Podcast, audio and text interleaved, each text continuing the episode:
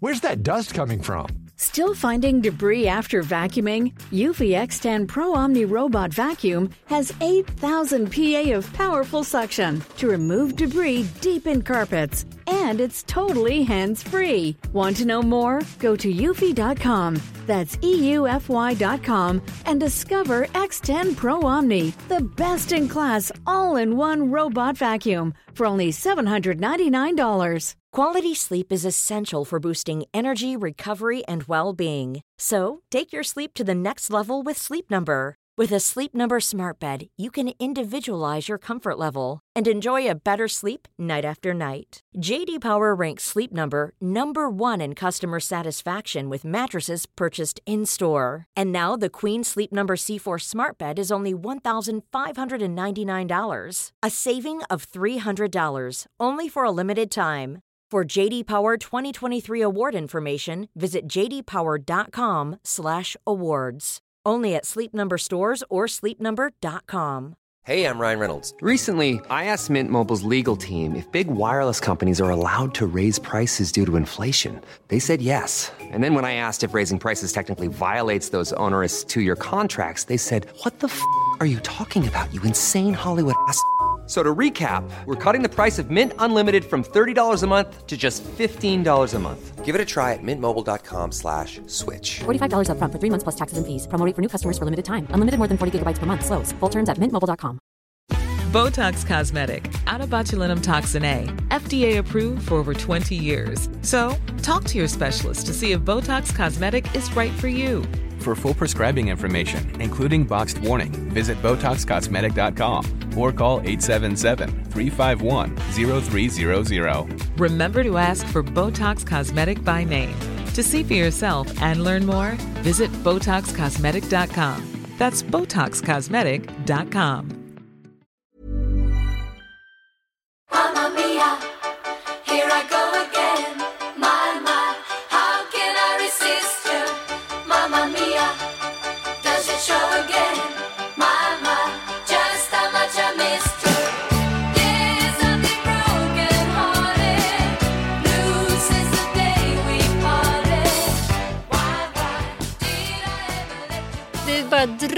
in bilder på fejan. Ja, nu är jag på gång.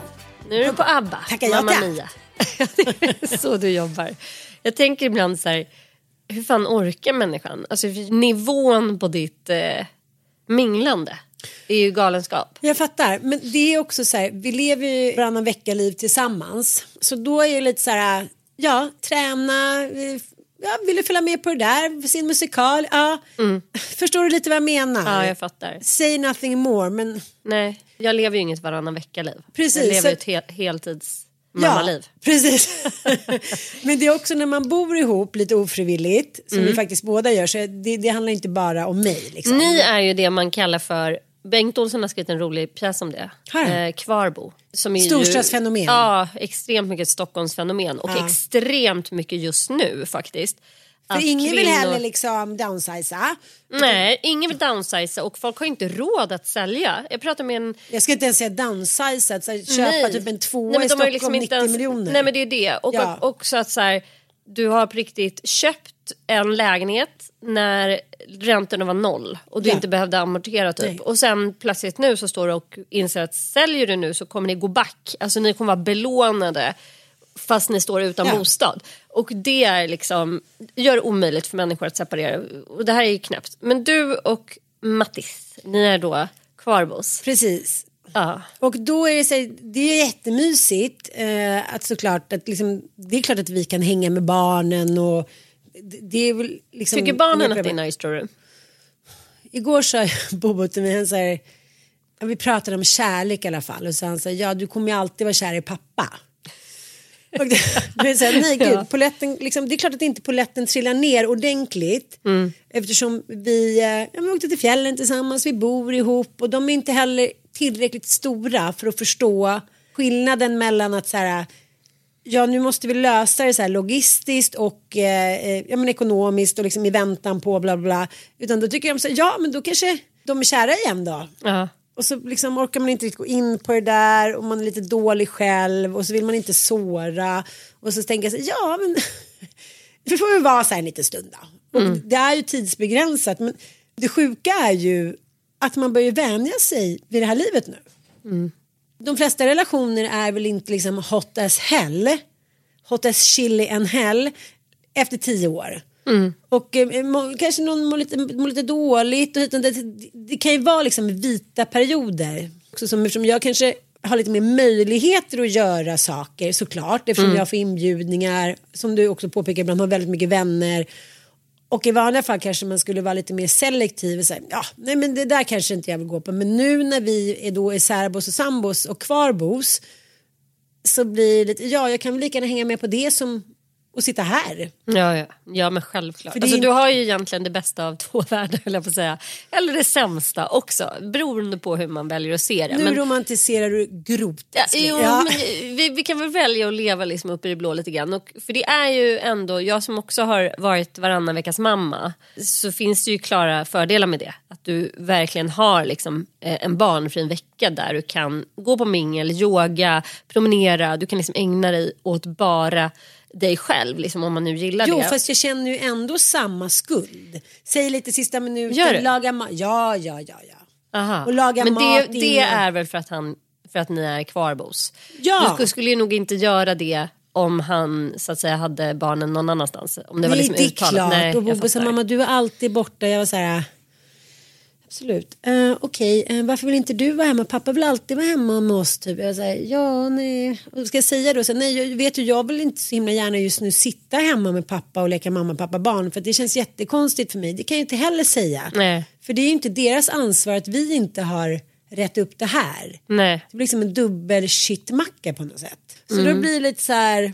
Så du framstår blev- som liksom the party princess Ja. och han får framstå då som den gode liksom, moraliska ja. fadern. Typ. Ja. Men ja, jag vill inte komma Han här kanske någon... är det också. Nej men han, man kanske bara är olika. Varför kan det inte få vara så då? Ja. Varför måste det ena vara sämre än det andra? Det är väl liksom också där man alltid landar att så här, introverter liksom vill gärna påskina att extroverter är galna idioter typ och, och så vidare. Jag undrar varför det väldigt sällan är åt andra hållet. Att extroverter eh, liksom eh, sällan klankar ner på introverter. Men jag tycker också att det finns en tendens hos män, eh, inte alla män, att liksom efter ett visst årsslag så tycker de jag, jag, jag tycker många, liksom det sociala är mycket kvinnas ansvar, inte för alla men för många. Och jag hörde en annan kompis man som säger du vill aldrig göra något med mig, du frågar aldrig om jag vill följa med.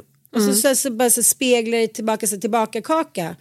Hur ofta är det du har fixat någon super surprise för mig när jag kommer hem på fredagen eller så här. Nu har jag det är jättemånga män som gör det också men jag känner ändå att en viss typ av män ofta blir liksom, känner sig utanför när kvinnan gör någonting eget. Och när småbarnsåren är över och man kanske är tillbaka lite på arenan och tycker att det är kul att gå ut igen och känner sig lite liksom hot and foxy i kroppen eller ut så här.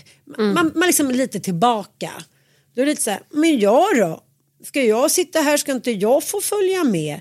Men jag får väl inte följa med på din golfhelg liksom när du ska ta en AV med dina 95 polare från Säffle.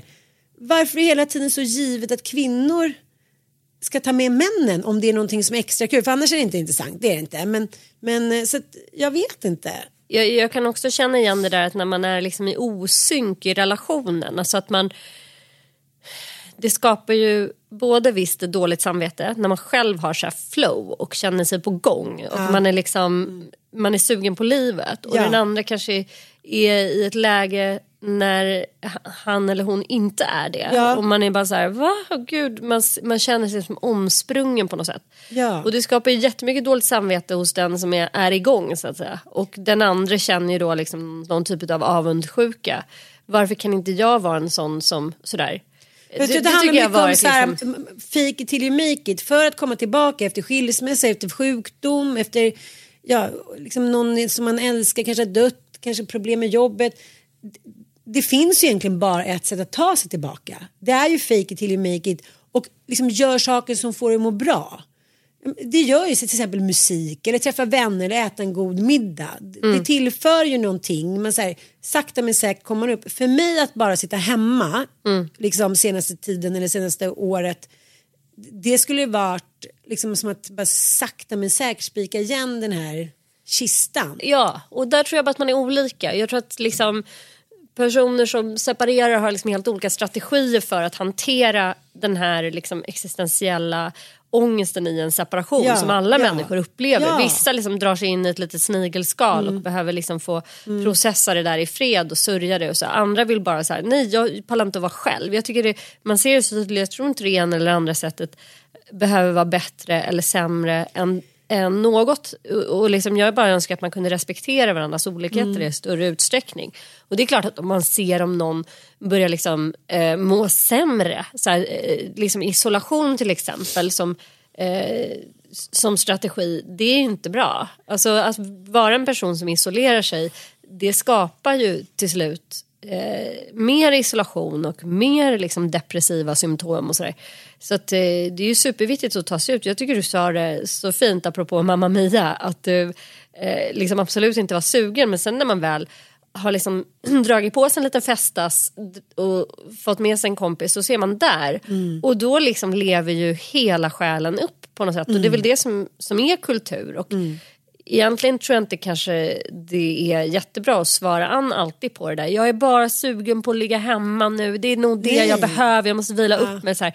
Ja, det kanske faktiskt inte är det. Man kanske Nej. måste så här, tvinga sig ut och göra grejer. Och jag tycker det är ganska igång. vanligt. Om man ska jämföra med, med liksom kanske något som känns helt absurt att jämföra med. Men ofta återkommande så är till exempel kvinnor som blivit utsatta för våldtäkt eller är anklaget för någonting och så skrattar de i rätten. Hon Mm. log när de pratar om den här våldtäktsmannen. Hon, hon skrattade när, när den här mannen som har blivit mördad kom på tal. Ja, men det är väldigt återkommande. Men det är ju bara en total liksom, kroppslig förklaring på nervositet. Herregud, har du aldrig sjungit i kören på Lucia? Du, säger, de ligger ju driver de där nioåringarna. Antingen svimmar de eller ligger de och skrattar. i den Ja, här. det, är bara, så, Ja. Mm. det, är liksom, det är ett fenomen. Att, an- Det är ett sätt för kroppen att hantera. Samma sak som att man fiser när man blir stressad. Mm. Bara går omkring och- det är så här, kroppen så här, keeps the score. Mm. Liksom and the memory. Och jag tycker det är samma sak här. Att den människan som försöker så här, okej jag orkar inte liksom leva i den här svärtan längre. För det är ju väldigt, väldigt sällan som det är så här från ena dagen till den andra. Att, nu vill jag skilja mig och jag mår toppen. Ja. ja, men det är klart att det finns vissa som kanske har liksom, som är psykopater eller som har, har på något sätt bearbetat det under tiden och sen går ut. Så var jag faktiskt lite med mitt ex-ex. Liksom, då var det redan klart sen så lång tid tillbaka. Så efter de första månaderna när det liksom började lossna då var jag verkligen extremt hög på livet. Jag var så här, hej, flyger jag? Så var det faktiskt också med mitt ex. Ja. Men då vet jag ju också att det var liksom ett, minst ett år innan som man bara gick och tog sats på något Ja. sätt. Och man var så otroligt liksom uppgiven redan. Alltså så här, man hade bestämt sig långt innan man Ja, för att nu fattade får det modet räcka med flyga. Ja. uppgivenheten. Sen, nu måste Ja. jag leva. Och då blir det liksom på något sätt som att den som så här, ger sig ut framstår som så här, schysst. Det har precis hänt och liksom och hon är redan eller han är redan så på sportlov med någon annan. Man bara, men okej, ska det vara en sorgeperiod? Särskilt i den liksom, tidevarv som vi lever i där människor kanske har så här, tio partners under ett liv. Om man då ska här, ha sorgeband i typ två, tre år. Det doesn't make sense liksom. Det, vi har själva skapat det här på något sätt. Och ändå så tror jag att de flesta mår så otroligt mycket sämre än vad de Ge sken av. Så att det här blir liksom ett, ett sätt att så, ta sig ur det här och så trillar man tillbaka. Så, tar man, sig- så tycker jag att det har varit för mig. Och det tycker jag verkar ganska vanligt att man säger i början är man på gång, man säger nu jäklar, jag ska gå ut, jag ska träffa bla bla bla och sen gör man det lite sen så bara jaha, det kanske inte riktigt var det här jag ville ha då, på något sätt. Men, men att det, ofta, det är väldigt lätt att klanka ner på den som är hemma då och ta sitt ansvar på något sätt. Och mot den andra som är... Ja men det är väl också så här. Jag är ganska övertygad om att som sagt vi lever ju i en tid där separationer eh, är mycket mer vanliga än vad de var för låt säga 30, 40, 50 år sedan. Alltså, och innan dess var det ju nästan omöjligt att skilja sig. Blev du liksom gravid så var du typ tvungen att gifta dig med din man. Eh, Ja. För att annars det fanns liksom inte ens möjlighet att göra bort eller tänka Nej. om. Men nu har vi inte ett sånt samhälle och det tycker jag verkligen att vi ska vara tacksamma över. Dels för att man faktiskt inte heller tar kärleken för givet för det händer väl i alla relationer och det är väl någonting och där tänkte jag faktiskt göra en liten, liten brygga nu. till mitt ämne. Mycket snyggt. Ska bara lyssna lite, måste bara lyssna lite på ABBA till. Ja, det får du göra.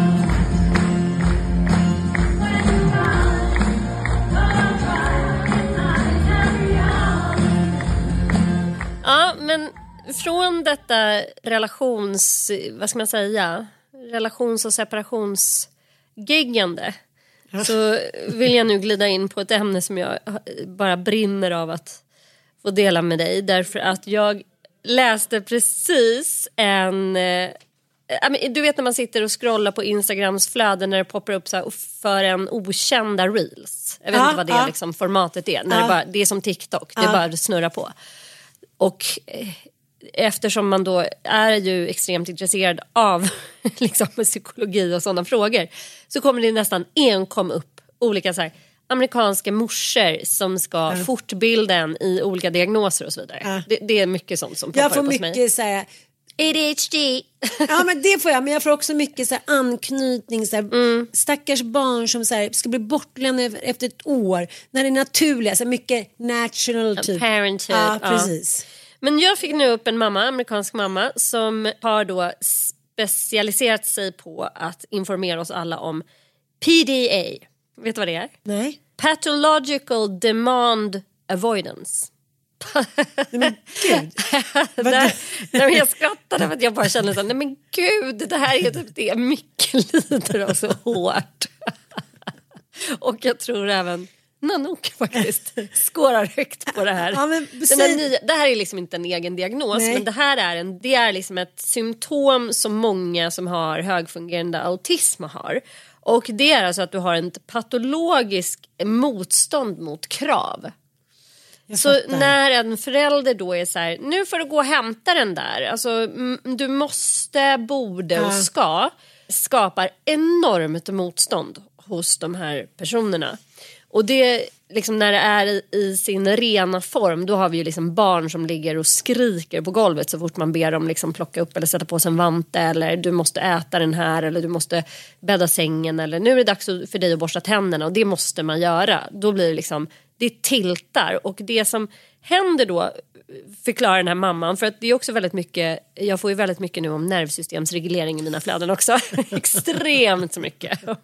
Dysregulated nerve system. I alla fall, när man kravar då ett barn och framförallt barn som har autism, det här är liksom en teori varför barn får sådana kraftfulla reaktioner och även vuxna då med PDA, det är att deras nervsystem går igång i fight or flight mode när de får ett krav ställt på sig.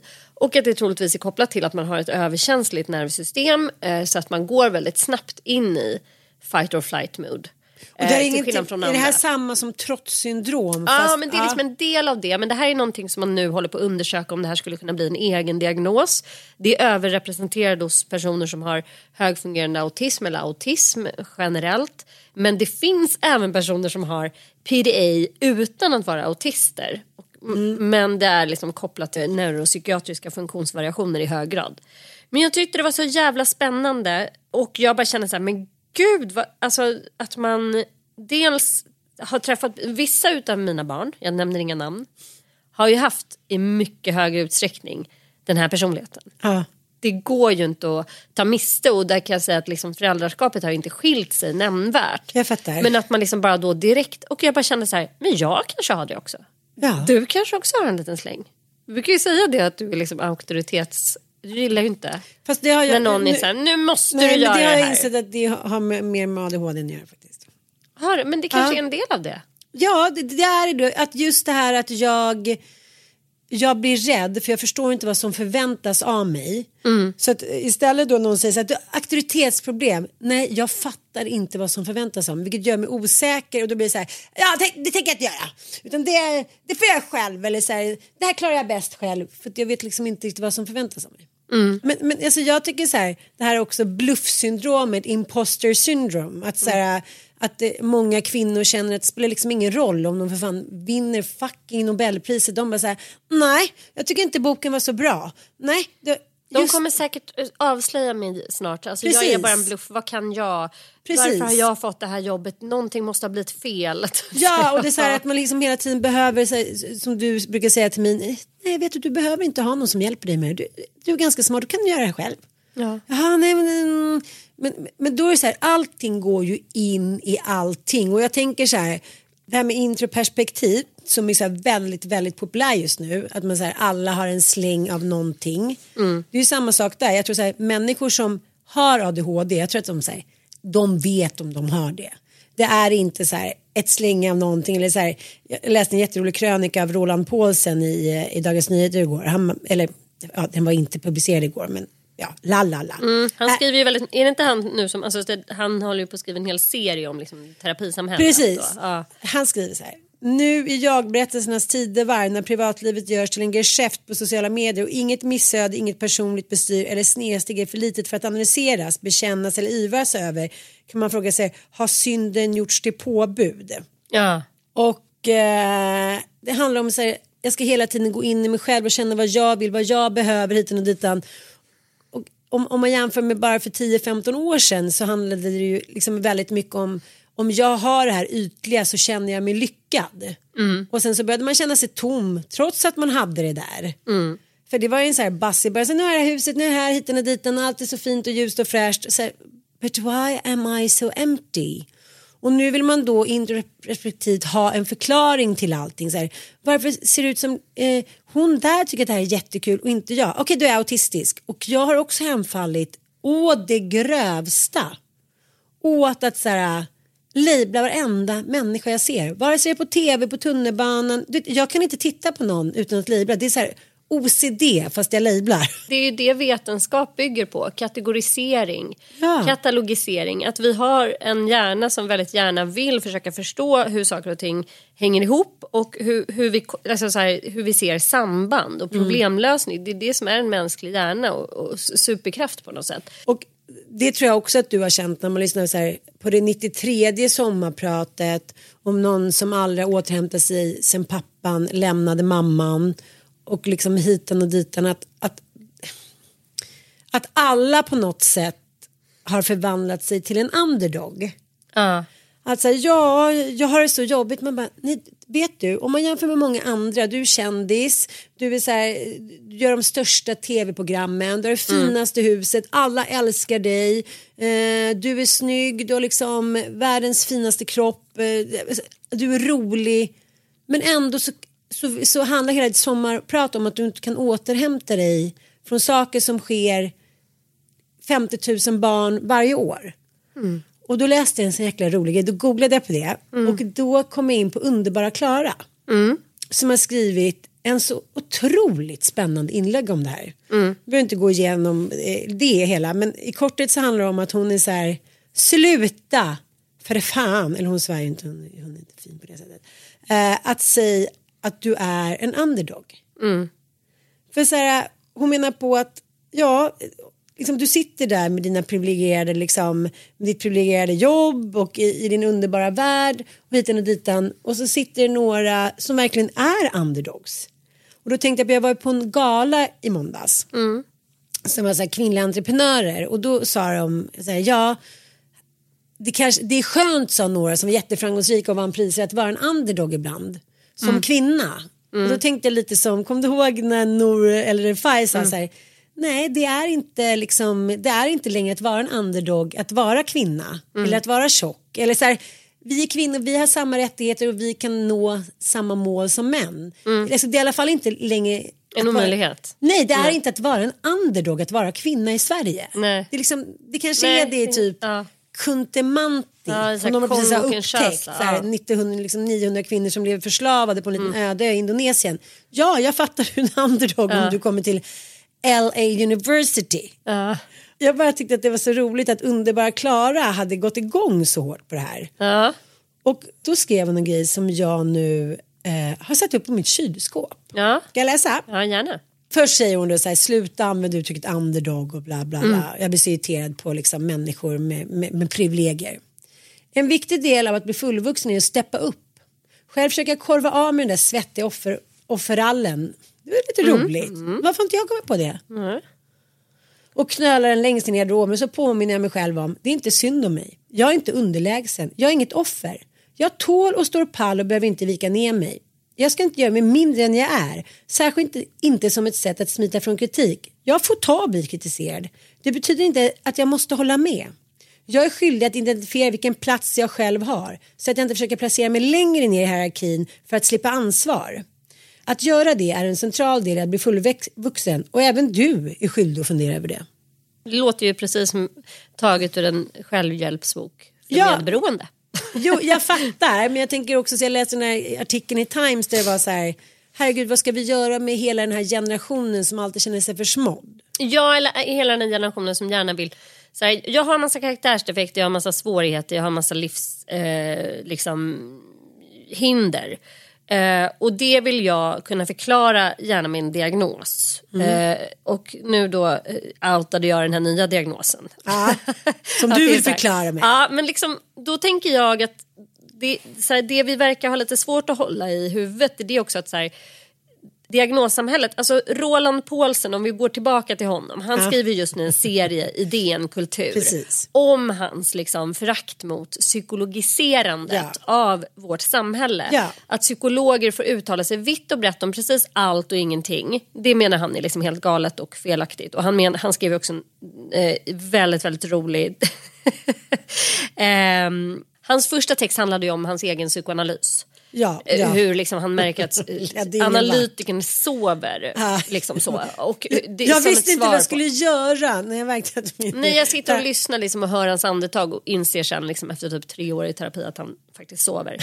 Men skit i det. Han, man ska ju veta att han är, socio, han är sociolog. Han, Mm. han har ju startat, liksom studerat sociologi och har ju den approachen och den kunskapen in i livet. Och sociologi handlar ju om att se eh, utifrån samhällsperspektiv och framförallt väldigt mycket om statusgrupper och socioekonomi. Det vill säga hur eh, ekonomiska skillnader skapar liksom olika beteenden hos oss människor. Såklart. Ja, och det är liksom en annan typ av vetenskap. Psykologin handlar mycket mer om individnivå. Och sen så har vi ju då liksom den medicinska blicken på människan. Och jag tror att vi skulle ha nytta av att förstå liksom att det här är tre olika glasögon vi kan titta på mänskligheten med. Och eh, jag upplever inte alls som kära Roland att vi lever i en alltför psykologiserad tid. Jag tycker att vi lever i en medikaliserad tid. Alltså ADHD är ju faktiskt en medicinsk diagnos och sen är det klart att psykologin också använder sig, alltså psykologer nu för tiden liksom väldigt nä, ligger nära det medikaliserade samhället liksom för att man vill på något sätt få den där statusen som naturvetenskapen faktiskt ger. Att man kan mäta saker på ett annat sätt och man kan utföra vetenskapliga studier vilket är svårt att göra när det gäller sociologi och an, annan typ av humaniora. Liksom. Men han, eh, det är många som har eh, skrivit eh, inlagor där han blir, får ganska mycket mothugg. Både Jonathan Unge har skrivit i Aftonbladet och huggit på honom. Och eh, vem är det mer? Någon som skrev. Ja men det är flera som har liksom bara nej det stämmer inte. Ja, men man kan också titta på hela vårt samhälle. Att så här, vad är det vi får, vad går på vår försäkring? Inte fan är det terapi. Nej för fan. Nej, du får gå till vården hur mycket du vill med olika förkylningssymptom och liksom basiller och du får vaccinering gratis och allting som handlar om ren konkret medicin är ju liksom bekostat av vår sjukförsäkring. Men att du behöver terapi eller liksom psykologhjälp, ja, där får du börja betala själv. Så att, eh, vi ser ju ganska tydligt vilken av de här vetenskapliga glasögonen som, som är me- mest accepterat av vår Ja. stat liksom, eh, och högprioriterat. Och det ska jag säga, så ser det inte ut i alla länder. Nej. Det gör det verkligen inte. Det finns ett helt annat sjukförsäkringssystem i, i Tyskland till exempel. Alltså du får betalt för terapi enligt eh, sjukförsäkringen på olika sätt. Och I USA till exempel, varför är psykoanalys så pass utbrett och stort där? Jo, för att många sjuk, privata sjukförsäkringar bekostar psykoterapi. Eh, så det är därför varenda jävla New York-bo eh, kan gå i analys fyra till fem gånger i veckan. För att de har en sjukförsäkring som de betalar dyrt för. Men jag kan såklart eh, förstå det här så här, nu är du klar. Ja. Eh, Nu har vi gått igenom dina liksom, defekter och du, kan, och du jobbar på dem. Nu får du gå ut i samhället. Men det är det som också verkar problemet att folk inte riktigt... De som verkligen behöver det tycker jag inte riktigt börjar. Och de som eh, gör det liksom, på något sätt stannar i det där. Alltså nej, just att det blir liksom för över, eh, jag vad ska jag säga, överanalyserande. Det kan bero på att det var sådär. Och så kan man väl få ha en period i livet för att det handlar också om någon form av upprättelse. Och jag tänker även i relationer så vill man ju gärna hitta en förklaring till varför man har blivit behandlad på ett visst sätt. Och man själv har behandlat. Så att det blir både upprättelse för en själv på något sätt och för en andra för att man känner så här det måste bero på någonting. Roland menar ju att så här, i takt med att terapin liksom, och alla dessa psykologer som dyker upp i frågespalter och i, i liksom allsköns tv-program och så vidare, tv-soffor och uttalar sig vitt och brett om allt möjligt och lösningen på mänsklighetens lidande så är det ju ett faktum att den psykiska ohälsan ökar. Bland barn har andelen med sömnproblem nästan fördubblats sedan Folkhälsomyndigheten inledde sina mätningar 1985. Mm. Vidare ser man att andelen 11 till 15-åringar som uppger att de har känt nedstämdhet varje dag har trefaldigats sedan vet, 1985. Det är hemskt. Samtidigt så tänker jag att så här, det här psykologiserade samhället och det jag pratade lite grann om i Love is blind att man liksom hör ju att det här är en utbildad generation ungdomar och unga människor som kommer ut. de ens inte har- och ändå så olyckliga. Nej men de har typ full jävla koll på sitt psyke. Jag vet. Och det kanske gör att man känner efter bättre och därför kan svara mer adek- adekvat Och inte släpper på en till på enkät. samma Nej sätt. men till exempel, Nej, nej, men på riktigt. Ann, jag visste inte vad ångest var på riktigt förrän jag läste Ann Heberleins bok Jag vill inte Nej. dö, jag vill bara inte leva. Och då var jag 30 år gammal. För ingen jävla hade pratat med mig om ångest. Vad- om du frågar liksom tioåring idag om ångest och sömnproblem så vet de det. För de har sett på TikTok och de vet alla deras så här, "Åh, gud, 17-åriga tjejer som de följer. De är så här, I have anxiety problems. Typ. Alltså, de är så jävla utbildade när det gäller psykisk hälsa slash ohälsa. Och jag tror att det är bra. För att de, och jag tror inte att, att det här är representativt. Alltså, om man tänker sig att det är många fler som... Jag tror att det, Det var precis lika många ungar som sov pissdåligt 1985. De hade bara inte ett språk för att beskriva det. Det är klart, jag tycker många har förklarat så här, nu har jag äntligen förstått att under hela min uppväxt när jag gick omkring och det gjorde ont i magen och det, det var ju ångest. Ja, det kanske Men det de var ingen de som var kunde, 50. nej det var ingen som kunde spegla det. Nej, och det Det är, är så liksom så otroligt sorgligt. Har du kollat på årets säsong av Farmen? Nej älskling, när gör, jag, du gör det här när jag är på Mamma Mia, jag Nej, fattar. men alltså, farmen är ju mina, Varför får mina vi söner och mitt. Nej, men vi, jag vet, vi vill, TV4, ja, TV4, jag och Sanna. Anna Brolin, vi vill vara med. Det har vi sagt till dig Anna och vi, vi åker imorgon och vi Mm, är vi. borta Hela for sommaren. life. Nej men det skulle vara det roligaste vi någonsin Ja, vi skulle ha så fruktansvärt roligt. Ja. Snälla ta oss med bara. Kändisfarmen. Snälla, snälla, snälla. Skitsamma, men så här är det. Det, det var ett väldigt roligt avsnitt här om veckan. Eh, det kanske inte, alltså vi kollar ju inte, vi streamar ju de här avsnitten så det kanske inte var liksom förra veckan det sändes på riktigt så att säga. Men skitsamma. Jag och Mia Sanne kollade på det och det som är fascinerande, för Micke är ju väldigt raljant inför vårt Farmen-intresse. Han är så här, gud ska ni kolla på den här skiten, vad är grejen? Men då spelade Mick, eh, Igor Det är trotssyndromet. Ja, det är trotssyndromet såklart. Eh, Men då spelade Full eh, kultur. Igor upp ett väldigt eh, roligt liksom, klipp. Och jag har liksom kokat ihop det till att det som händer inne på farmen, dels så är det ju liksom, det är någon typ av så här, familjeterapi. Alltså människor som i, i brist på att leva i sin egen familj får liksom lajva familj med okända människor. Och alla dysfunktioner poppar ju upp förr eller senare. Första veckan är det toppen, andra veckan är det hyfsat och toppen också. Men tredje veckan, det är då liksom alla dysfunktioner bara så här går bananas. Och alla ifrån- har dem ju. Det är det som är så alla har dem. Det är triangulering, det är liksom oförmåga att lösa konflikter, det är skitsnack bakom ryggen, det är liksom paktande, det är grupper i gruppen. Ja, det är så spännande och så intressant. Men då har vi då eh, i årets eh, Farmen Tim som ju är beroende pedagog tror jag han kallas för, alltså när man är behandlingspedagog. Så han Det här är alltså som- inte kändisfarmen. Nej det här är inte Nej. kändisfarmen. Utan Tim är, är någon, en gullig tatuerad kille som själv har något förflutet som kriminell men nu jobbar som behandlingspedagog. Och han blir då storbonde. Och bestäm, bestämmer under sin storbondetid att han ska köra känslorunda varje morgon.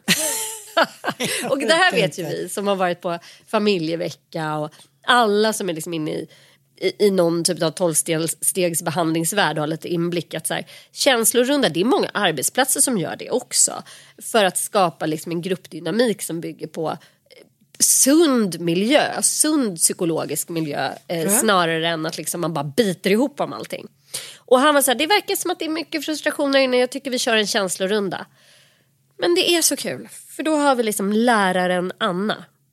Som blir så jävla provocerad av det här. Skit i det här jävla Ja, hon är så här, jag, jag kan inte förstå, det här, är, det här var det sämsta sättet att börja en morgon på. Jag är här inne och då biter jag ihop. Jag vill inte aktivera mitt känsloliv överhuvudtaget. Det är mitt sätt att stå ut, mitt sätt att liksom copa med den här jävla situationen. Och som blir så provocerad. Och det är så spännande att här har vi en kvinna som är liksom i 60-årsåldern eller om hon är 55 men liksom det är en typisk 40-talist. Hela den generationen har ju dealat med livet på det sättet. Att så här, Vi uttrycker inte känslor, vi känner inte efter, vi bara Vi biter av. ihop, stänger av, jobbar. Men sen pyser det ju. Och det är det, det, är det som, det, är det som händer hos dessa gamlingar. Den passiva aggressiviteten, pysandet, liksom gliringar som kommer, att man bara känner sig så här sjukt överkörd men säger ingenting men sen kommer det som ett så här vattenfall som bara bombas över typ. Så är det något helt obegripligt litet som blir jättestort. Sjukt intressant. Och man fattar inte. Och man fattar inte. Nej. Det är väldigt, jag tycker det är väldigt läskigt när det blir sådär. Att man Ja. är, för man är oftast helt oförberedd. Så säger man så här, jag skulle bara säga det här så bara... Och man säger, Okej. Mm. Det är liksom lite övergrepps-vibe på den grejen. Ja, det är lite övergreppsvibe och framförallt så är det ju liksom ett ganska så dysfunktionellt sätt att eh, ha relationer på. För det är ju verkligen så att så här, du tror att din metod att bita ihop att liksom inte ta upp grejer som skaver, eh, att det leder till liksom en bättre relation. När det faktiskt är så att när det där explosionen sen sker så kommer du skada relationen så jävla mycket mer än vad ditt ihopbitna, sammanbitna Ja men alla tystnad mina är. relationer har varit så här, jag vill inte säga någonting för jag vill inte oroa dig. Jag vill inte säga någonting för att man bara så här. Men jag tror väl att det är ganska, kanske också så här, kanske inte bara en generationsfråga. Jag tror det är jävligt svenskt. Ja. Det är väl liksom ett förlegat, eh, en förlegad tro på att så här, och sen också en o... Smålandsmentaliteten. Ja, och liksom Och oförmågan att när det väl Plockar upp. uppstår en konflikt så vet man inte riktigt hur man ska hantera den och lösa den. Så konflikthanteringen är ju liksom urdålig hos i stort sett varenda käft i det här landet som Mm. jag upplever det som. Otroligt Så det är klart att man är så här, "Åh, jag vågar inte ens liksom, jag vågar inte ta upp det här för då kanske det leder till konflikt och då kommer det gå åt helvete och då kommer vi aldrig mer se varandra. Så, så liksom om man, ska, om, man ska, säga, om man ska luta sig mot det så kan ju Roland så här, förstå att 99% av alla skulle verkligen behöva Gå i terapi. och, och titta inåt. Ja, man tänker att så här, terapi, liksom, jag vet inte vad Roland har Varför för sa du tankar om inget? terapi. man bara, att terapi sitter som liksom ett är- spöke sen fyra år tillbaka och bara så darrar. Varför sa du inte? Du verkade jätteglad. Man bara, ja, Ja. jag verkade må kanon. Nej, jag, jag tror snarare att så här, jag, jag det är en skam en... att vara, må dåligt i det här landet. Så därför ska vi medicinera oss, precis som du säger. Ja, eller så om man då tänker utifrån ett sociologiskt perspektiv så ska vi bara förändra samhället så kommer alla må bättre.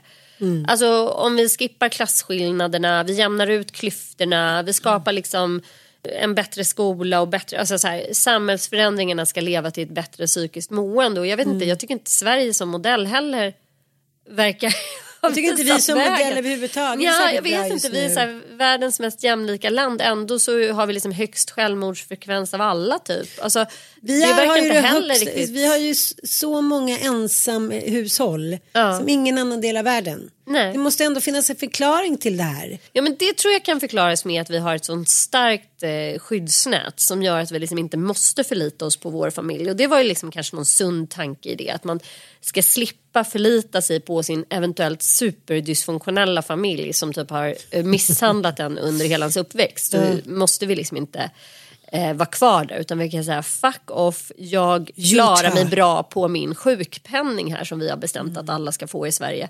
I andra länder så kanske du måste säga Tänk dig USA, det är väl därför de hänger sig kvar med sina så här, incest liksom, päron för de typ har inget alternativ. De står liksom helt eh, barskrapade om de inte är så här Can you please help me? Even though you raped me during my whole childhood. Typ. Det är ju hemskt. En annan liksom förklaringsmodell varför mår vi så jävla dåligt i det här landet. Alltså, Roland vill hävda att det är för att vi är psykologiserande. Men jag skulle kunna tycka att det är rätt intressant att titta på att vi är ett av världens mest sekulära länder. Alltså vi tror inte längre eh, på det sätt vi gjorde och som många andra länder. Inget där man har, kassam. vi har ingen kassam, vi har liksom svårt att förklara liksom de existentiella dubier som kommer uppstå i våra liv eh, och framförallt moral och etik. Alltså, hur ska jag bete mig då som människa? Vem ska jag vara? Det finns liksom inga eviga värden, det finns ingen överordnad så här etik som ju de stora världsreligionerna alltid har kunnat erbjuda, peka med hela handen, så här ska du göra, det här är det som gäller. Och andra liksom andliga värden som kan förklara eh, lidande på något sätt. Så det tycker jag är en rätt intressant tanke. Liksom att så här, ja, det, det, det kanske inte är så jävla konstigt att vi är lost in the pancake när vi inte tror på något Nej. längre. Och jag eh, i min lilla andra research, onödigt vetande, eller det är inte alls onödigt vetande, två dygn läste allting om typ eh, kristendomen. Eh, Vilket jag tycker är jätteintressant så det var inte det. Men just det där att ja det kanske är dags att så här, återuppta och börja luta oss lite grann mot de sju dödssyndernas mening. Frosseri, avundsjuka, att hela tiden så här kickbacks, kick, jag vill bara ha det där, jag vill bara ha det där. Var avundsjuk på vår nästa, då vill jag också ha det där. Så bara, jag är hungrig, jag vill ha binge-eata, mm, Foodora, hmm, hmm, hmm. Liksom den här galenskapen som vi egentligen alltid har haft. Till och med liksom när vi var apor och man säger oj ett träd med dadlar. Man bara jag äter upp allting tills jag spyr. Ja. För att säga jag behöver socker, jag måste ha det. Tänk om jag inte får äta om tre dagar. Och det är det här som krockar hela tiden. Den moderna människan med den gamla människan. Och där tycker jag ändå Anders fördel eh, ADHD Hansen eh, gör en väldigt bra liknelse i sin föreläsning. Vi kan lyssna lite på det. Om vi tänker oss att mänskligheten är en miljon år. Hur har vi levt då? Jo, fram till för 10 000 år sedan så levde vi så här. Vi var jägare och samlare på savannen. Vi förflyttade oss hela tiden i jakt på föda och vi var inte bofasta på en och samma plats annat än väldigt korta perioder. Och sen för 10 000 år sedan så gick vi över till att bli jordbrukare över nästan hela världen. Och så för 200 år sedan så blev vi då industrialiserade i städer med fabriker. Och nu sista 20-30 åren så har vi blivit digitaliserade med datorer och telefoner och internet och så. De här tidsrymderna de är så långa så att det går liksom inte att få en känsla för det här tycker jag. Jag, tycker inte man, jag kan inte tänka mig en värld utan internet längre. Och 200 år, det är ofattbart länge. 10 000 år, det går liksom inte att greppa. Så jag tycker man förstår de här proportionerna lite bättre. Om man tänker sig människans historia som ett dygn. Och gör man det, då har vi levt så här från midnatt och fram till 23.40. Alltså från midnatt fram till 23, 20 minuter i 12. Och sen var vi jordbrukare från 23.40 fram till 23.59.40. 20 sekunder i 12. Och till slut så blev det så då. Och ska man vara helt korrekt så var vi faktiskt industrialiserade först. Så att uppkopplade till datorer och nätet, det blev vi en sekund i 12. 23.59, 59. Och eh, vi lever fortfarande efter fight and flight mood och liksom hel amygdala, ingenting har ändrats i våra hjärnor. Vi är liksom mm, apor med känslor. Och att det såklart vi har lärt oss att anpassa oss hit och dit. Men, men med det då ska människan fungera. Och eh, anpassa sig och hitan och ditan. Men vi får ändå samma känslor kring allting. Oj, här ligger lite godis. Jag äter tills jag spyr fast jag inte alls är sugen. Jaha, nu känns det någonting med magen. Jag har ångest. Ja okej, men då måste jag självmedicinera. Och allt där som du säger med, ska medicineras bort nu för att ingen människa klarar av den här känslan längre för vi har ingenstans att vända oss. Kollektivet är borta, Gud är borta, moralen är borta. Inte för att jag tror att karlar kanske var så himla moraliska under första världskriget heller. Men då var det i alla fall, om man inte lydde enligt Guds regler och normer, ja då fick man ju inte vara med. Det är lite som man säger till barn, "Ja, du får inte röra telefonen om inte du eh, eh, går och duschar nu. Okej, jag går och duschar då. Jag tror att det är samma princip. Jag tror inte liksom människor, människorna har väl aldrig varit liksom så himla typ etisk och moralistisk. Det är ju det är därför alla de här gudarna har uppfunnits liksom. Ja, att vi behöver någon typ av storebror som Ja. ser dig, tänk i alla fall. För ett överjag som ska, som ska liksom tala om för oss eh, Ja. att vi gör fel eller vad Ja. man ska säga. Och jag, bara för att återgå till liksom vad psykoanalys, om man nu bes, bespottar den så hårt och tycker den är så jävla värdelös som form och det kan man ju tycka. Men någonting tror jag ändå händer när du sitter under väldigt många timmar i veckan och resonerar kring ditt eget känsloliv och ditt eget tänkande. Det är klart att du mår, eh, alltså du, du lär känna dig själv. Ja. Och det, det är väl det som är själva psykoanalysen i- i ett nötskal på något sätt. Och samtidigt tänker jag också att det är rätt intressant att tänka så här. Freud som ju uppfann den här terapiformen han levde liksom i slutet av 1800-talet. Vilka kom till honom? Alltså extremt förmögna människor som ens hade tid att sitta och resonera kring sina egna liksom, tankar, känslor, behov och tillkortakommanden. Det är klart att vanligt folk inte hade varken tid och definitivt inte råd att göra det heller. Så eh, det är väl som med all, med, med all annan så mänsklig utveckling att det är först när det finns ett överflöd som man kan ägna sig åt det här som man kallar för liksom andliga behov. Att förstå sig själv tycker jag verkligen är ett andligt behov på något sätt. För det finns inte så här, var, varför ska jag eh, ägna så jävla mycket tid åt att och det är inte för inte att en av världens rikaste män, det enda han håller på med är att optimera sin hälsa. Ja. Att hålla på med så här Ja men den här galna Silicon Valley-miljardären som bara liksom håller på med sån här biohacking in i liksom absurdum. Hans Alla mål som är miljardärer gör det. Jag känner också några miljardärer det. Det är det enda de gör. Mm, det är enda de gör. Tränar, äter biodynamiskt, åker på olika grejer. Kan åka- sin kropp Ja, ja, efter ja. olika Få tumörer. så här och blo- liksom extra här, ja. blodgrojare, bla bla bla. Ja, Ja. har liksom olika så här, de dricker inte alkohol, Nej, det nej. ska liksom... eh, lite svampar emellanåt, kanske lite Ja. nedtripp. Ja. Ja. Lite ladd. Ja, nej men det, det är ju... extra, eh, människor med ett överflöd har tid att tänka på sitt mående både fysiskt och psykiskt. Och det är väl det som är grejen med oss i Sverige att många av oss lever faktiskt. Även om fattigdomen nu håller på att eh, öka så, så lever vi ändå i ett överflöd jämfört med resterande del av världen. Jag tänker att tallriksmodellen går att applicera på allting. Alltså att bara ägna sig att liksom titt, blicka inåt eller säga nej det är dens fel hit och dit. Nej det är inte heller bra. Men att sitta och prata med någon som inte känner sig själv överhuvudtaget kan ju heller aldrig förstå dig. Så då kan man ju sitta där i sin sandlådekompetens och så här kasta här liksom spadarna och hinkarna på varandra hiten och diten, alla politiker. Men det kommer liksom aldrig leda någon vart och det kommer inte leda till att vi blir bättre människor, att våra barn blir bättre människor, eller att samhället blir bättre människor. Så jag tänker så här, det måste ju ändå blickas in. Sen så när man till exempel under småbarnsåren, ja då kanske det inte finns så mycket tid för det och, och då behövs kanske inte det. Bla bla bla. Men jag, jag, jag vet inte, jag, jag funderar ju ofta på det där och, och tror på det här att så här, bönderna med liksom under bra år. De som hade ett hus, de som hade barn och de som ingen brydde sig så mycket om. Liksom alla låg i samma säng men det lågs ändå på lite. Och, ja, men som Johannisson sa, så här, ja, alla undrar sig hur, hur gick det här till? Liksom? Hur kunde människor ändå tycka att livet var bra? Och när låg de? När blev de här barnen till eftersom alla låg i samma säng? Att, här, att vi kanske skulle tänka på livet lite mer i kortare cykler även under dygnet. Okej, man kollar nu. Ja, under förmiddagarna mår vi alla bra. På sommaren mår vi alla lite bättre. Då kanske vi ska leva upp lite mer. Sen blir det eftermiddag. Då kanske vi ska vara lite snällare mot varandra. Ja men som på förr i tiden. Johannissons teori eller många är så här. Ja men det var så långa dagar så då gick liksom gubben, mamman och pappan upp liksom lite där. Man, så, man gick och la sig sex, så gick man upp igen vid tolv och då ko- kollar man elden så kanske man låg lite där ute i sakristian. Bla bla bla. Jag tänker att man ska tänka så överlag. Hur mår jag nu? Hur, hur är det i den här familjen nu? Var är alla just nu? Du verkar vara lite så, då får du vara i fred. Vi har liksom, även fast det kollektiva har försvunnit så vill vi ändå att alla ska vara med hela tiden. Alla ska må som vi mår. Alla ska må toppen hela tiden för annars mår vi dåligt. Ja men sen också att vi har så här rutat in hela vårt liv och att vi ska vara jämnpresterande under, under dels dygnet och sen under året. Det är ju liksom helt absurt. Alltså det är ju inte för intet att man just nu känner att man liksom bara vill sälja allt man äger och har, flytta, separera.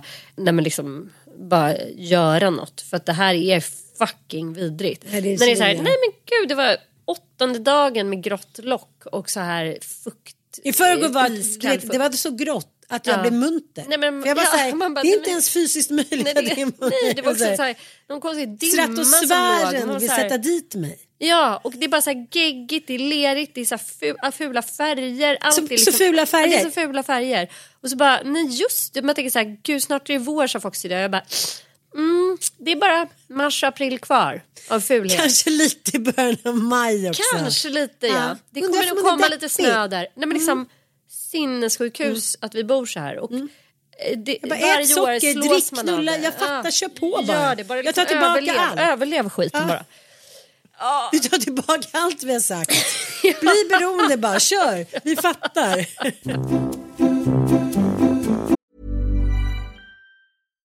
If you're looking for plump lips that last, you need to know about Juvederm lip fillers. With Juvederm Volbella XC and Juvederm Ultra XC, your lip look, whether it's subtle or bold, can last up to one full year with optimal treatment and no additional maintenance. Find a licensed specialist and see if it's right for you at juvederm.com today. That's J U V E D E R M.com. Add fullness to lips in adults over 21 with Juvederm Volbella XC or Juvederm Ultra XC. Do not use if you have severe allergies or a history of severe allergic reactions, or if you're allergic to lidocaine or the proteins used in Juvederm. Tell your doctor if you have a history of scarring or taking medicines that decrease the body's immune response or that can prolong bleeding. Common side effects include injection site redness, swelling, pain, tenderness, firmness, lumps, bumps, bruising, discoloration, or itching. As with all fillers, there's a rare risk of unintentional injection into a blood vessel, which can cause vision abnormalities, blindness, stroke, temporary scabs, or scarring. For full important safety information, visit juvederm.com.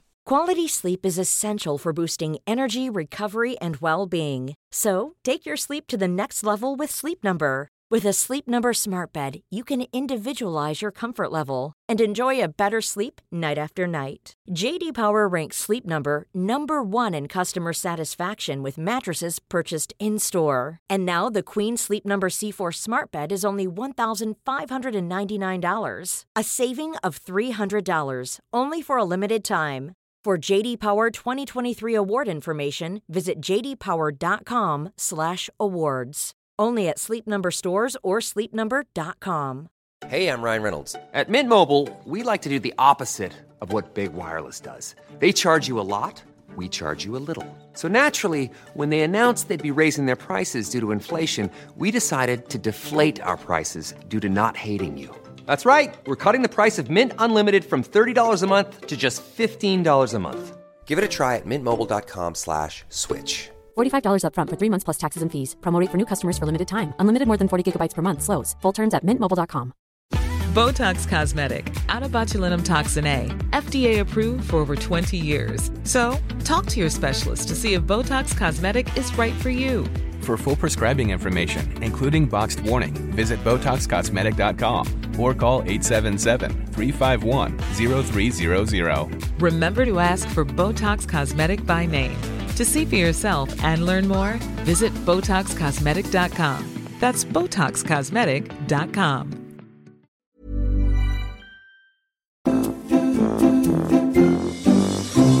Ja, men älskling, vad ska vi kalla den här podden för? Alltså det här är ju som någon slags... Um... ja, vi, vi, har- vi har ju liksom grottat in oss här i specialfokusområden. Olika diagnoser, psykologi. Och vi är som vanligt, det är högt och lågt. Det är liksom, vi är inte säkra på någonting. Ja.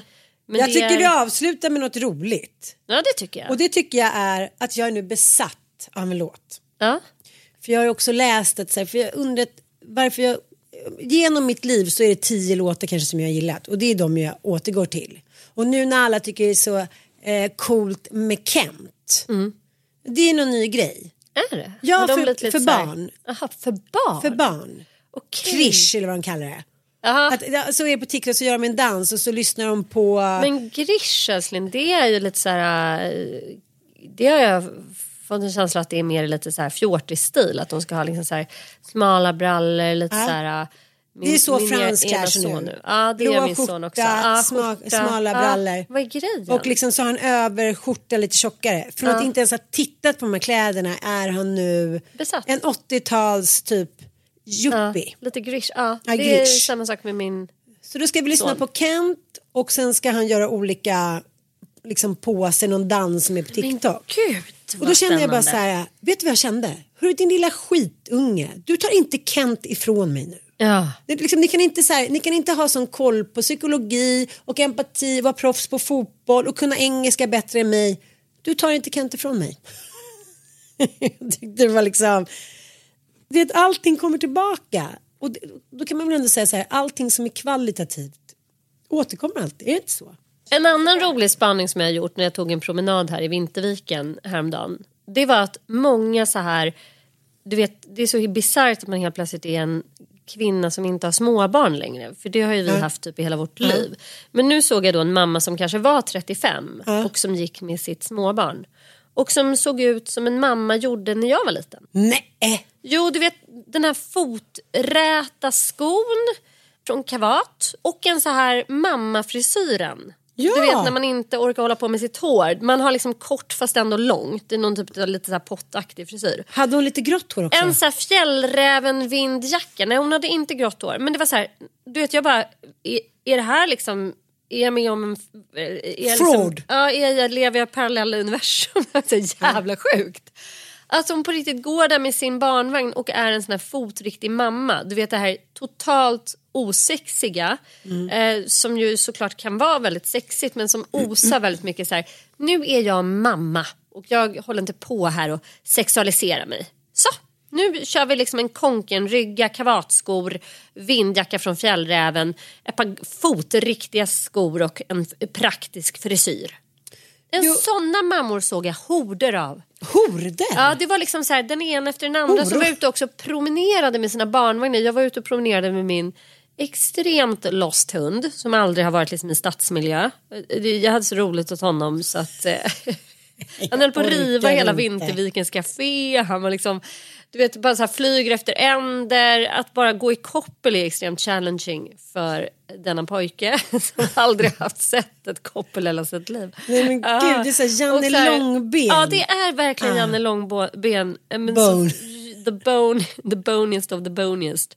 Och där på vår promenad så spanade vi in dessa fotriktiga mammor och det var väldigt roligt. Men du, Eh, du tänker inte att du har hamnat igen i en så här ret, äh, äh, äh, så här, Det är klart så att det var liksom- stadsperspektiv. Att så här, om vi åker till Säffle Ja, då, det, då så är det inte här- Carolina nej, Gynning som går. Absolut. Nej, men, det, nej, men samtidigt så tänkte jag liksom att det här kan aldrig bli populärt igen.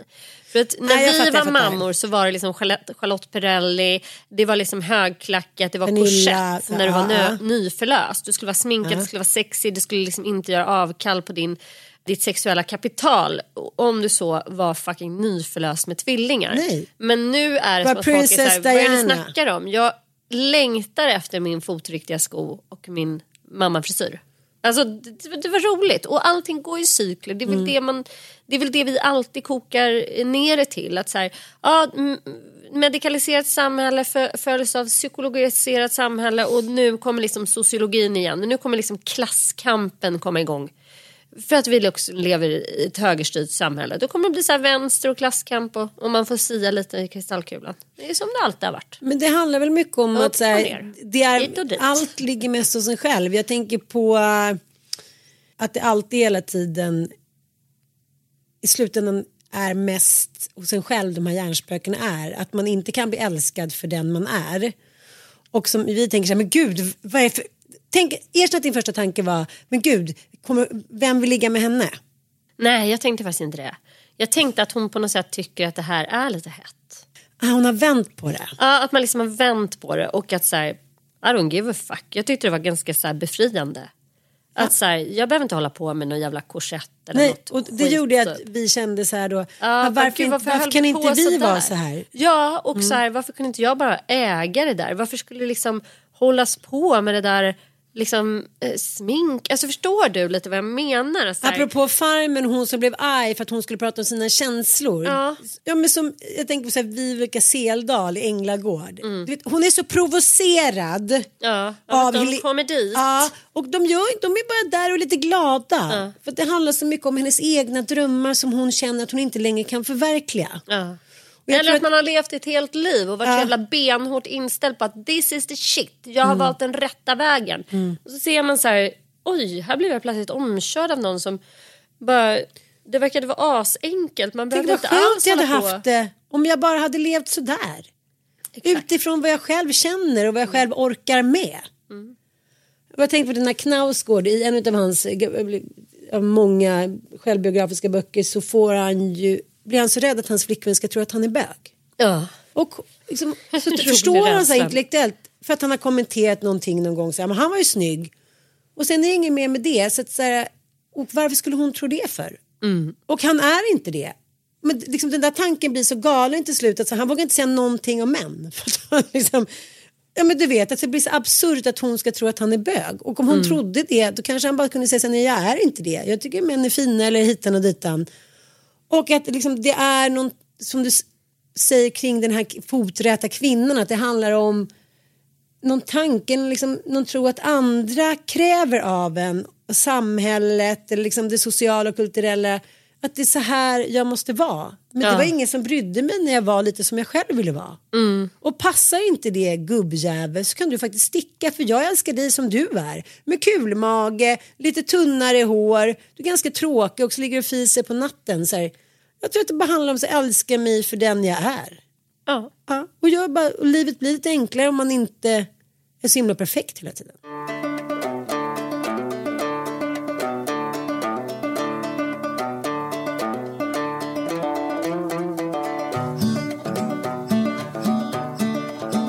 This ain't Texas.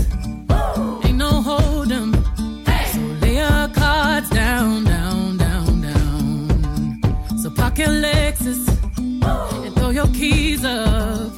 Stick around, round, round, round, round. Stick around. And I'll be damned if I can't slow dance with you. Come pour some sugar on me, honey, too. It's a real live boogie and a real live hold down. Don't be a bitch, come take it to the floor now. Woo! Huh. There's a tornado, in my city. Hit the basement. That shit ain't pretty. Rugged whiskey. Surviving. All red cup kisses, sweet redemption, passing time, yeah. Ooh, one step to the right. We headed to the dive bar we always thought was nice. Ooh, run me to the left, then spin me in the middle. Boy, I can't read your mind. This ain't Texas, ain't no hold'em.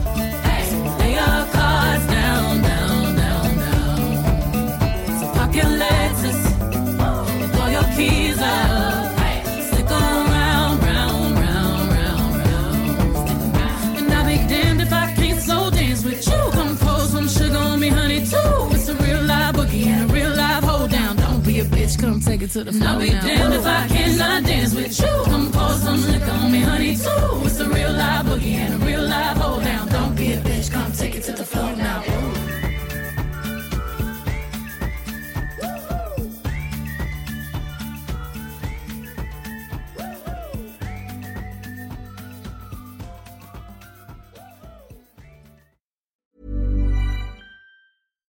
The number one selling product of its kind with over 20 years of research and innovation. Botox Cosmetic, out toxin A, is a prescription medicine used to temporarily make moderate to severe frown lines, crow's feet, and forehead lines look better in adults. Effects of Botox Cosmetic may spread hours to weeks after injection, causing serious symptoms. Alert your doctor right away as difficulty swallowing, speaking, breathing, eye problems, or muscle weakness may be a sign of a life threatening condition. Patients with these conditions before injection are at highest risk. Don't receive Botox Cosmetic if you have a skin infection. Side effects may include allergic reactions, injection site pain, headache, eyebrow and eyelid drooping, and eyelid swelling. Allergic reactions can include rash, welts, asthma symptoms, and dizziness. Tell your doctor about medical history, muscle or nerve conditions including ALS or Lou Gehrig's disease, myasthenia gravis, or Lambert-Eaton syndrome and medications, including botulinum toxins, as these may increase the risk of serious side effects. For full safety information, visit BotoxCosmetic.com or call 877-351-0300. See for yourself at BotoxCosmetic.com.